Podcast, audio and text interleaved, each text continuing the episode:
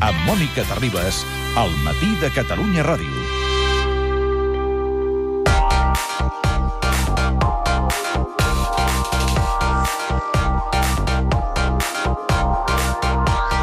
Laia Claret, on pares?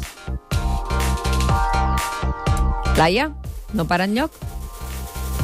Laia Claret anava cap a Figueres a veure com estan els nostres patidors eh, amb l'AVE i els problemes que hi ha en aquella zona. La tenim en línia o no?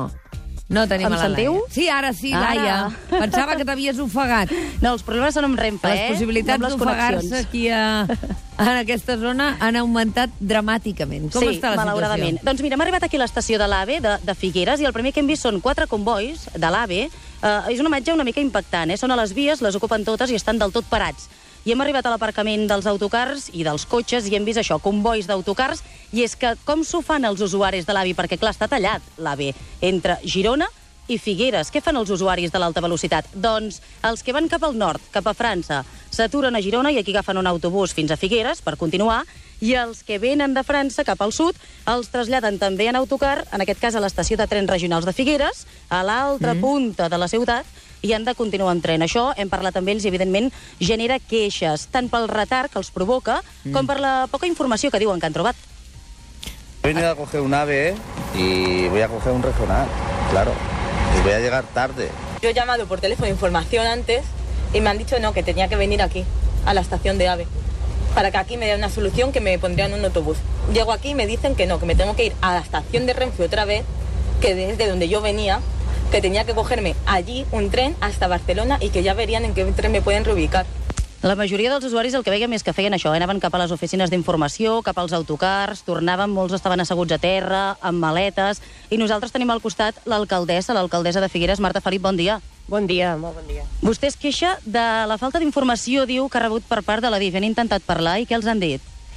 No, Adif, eh, bé, Adif està centrat exclusivament a intentar resoldre el problema des del punt de vista tècnic. Estan eh, abocats a les tasques de bombament de l'aigua que està acumulada en aquest túnel de sota de la, la Devesa a la ciutat de Girona. Saps què ens han dit, no, aquest matí? Que clar, que això ha passat perquè el clavegaram eh, de Girona no tenia previst que, que pogués desaiguar-se prou bé. Ens ha vingut a dir el senyor de DIF. Sí, ho he sentit, ho he sentit bé. Mm, jo de dir que no m'ho crec, sincerament. Crec que el clavegaram de Girona està acostumat. A Girona hi plou, des de fa temps se sap que estem en una regió on a, a la primavera i a la tardor plou i aquestes coses jo crec que són pre molt previsibles. Evidentment, com que ha dit això Adif, eh, causes meteorològiques, no té res a veure amb Adif. També hem pogut parlar amb Renfe i ens diuen que és conseqüència també del mal temps, d'aquesta xarxa de clavegaram que diuen que no, no estava ben feta. De Figueres a Girona hi ha uns 3.000 usuaris al mes que utilitzen l'alta velocitat. Quines queixes han rebut en aquest sentit dels usuaris?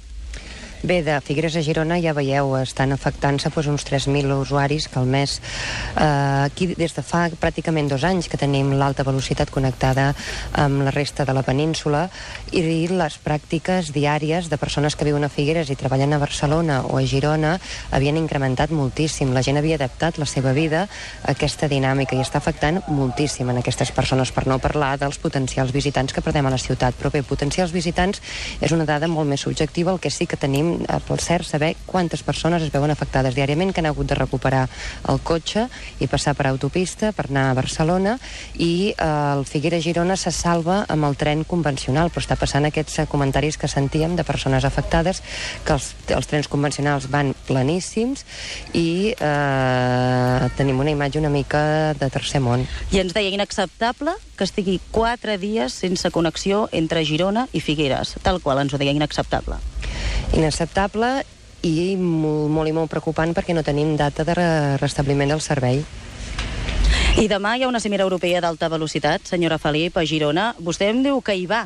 Els representants hi havien d'arribar, no?, amb alta velocitat. Com, com s'ho faran?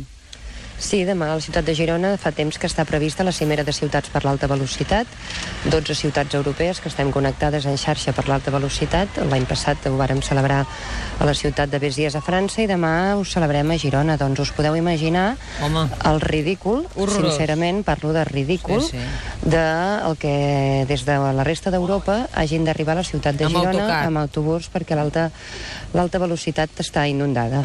Adif ens deia que, mira, la gent que vingui de Madrid podrà venir uh, sense problemes de Madrid a Girona amb l'AVE admirant el paisatge.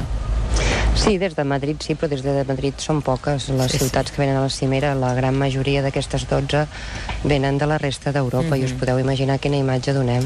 Sí. No sé si tenen previst anar més enllà, alcaldessa, juntament amb l'alcalde de Girona, Carles Puigdemont, de potser mm, fer alguna acció legal o emprendre alguna mesura en aquest sentit?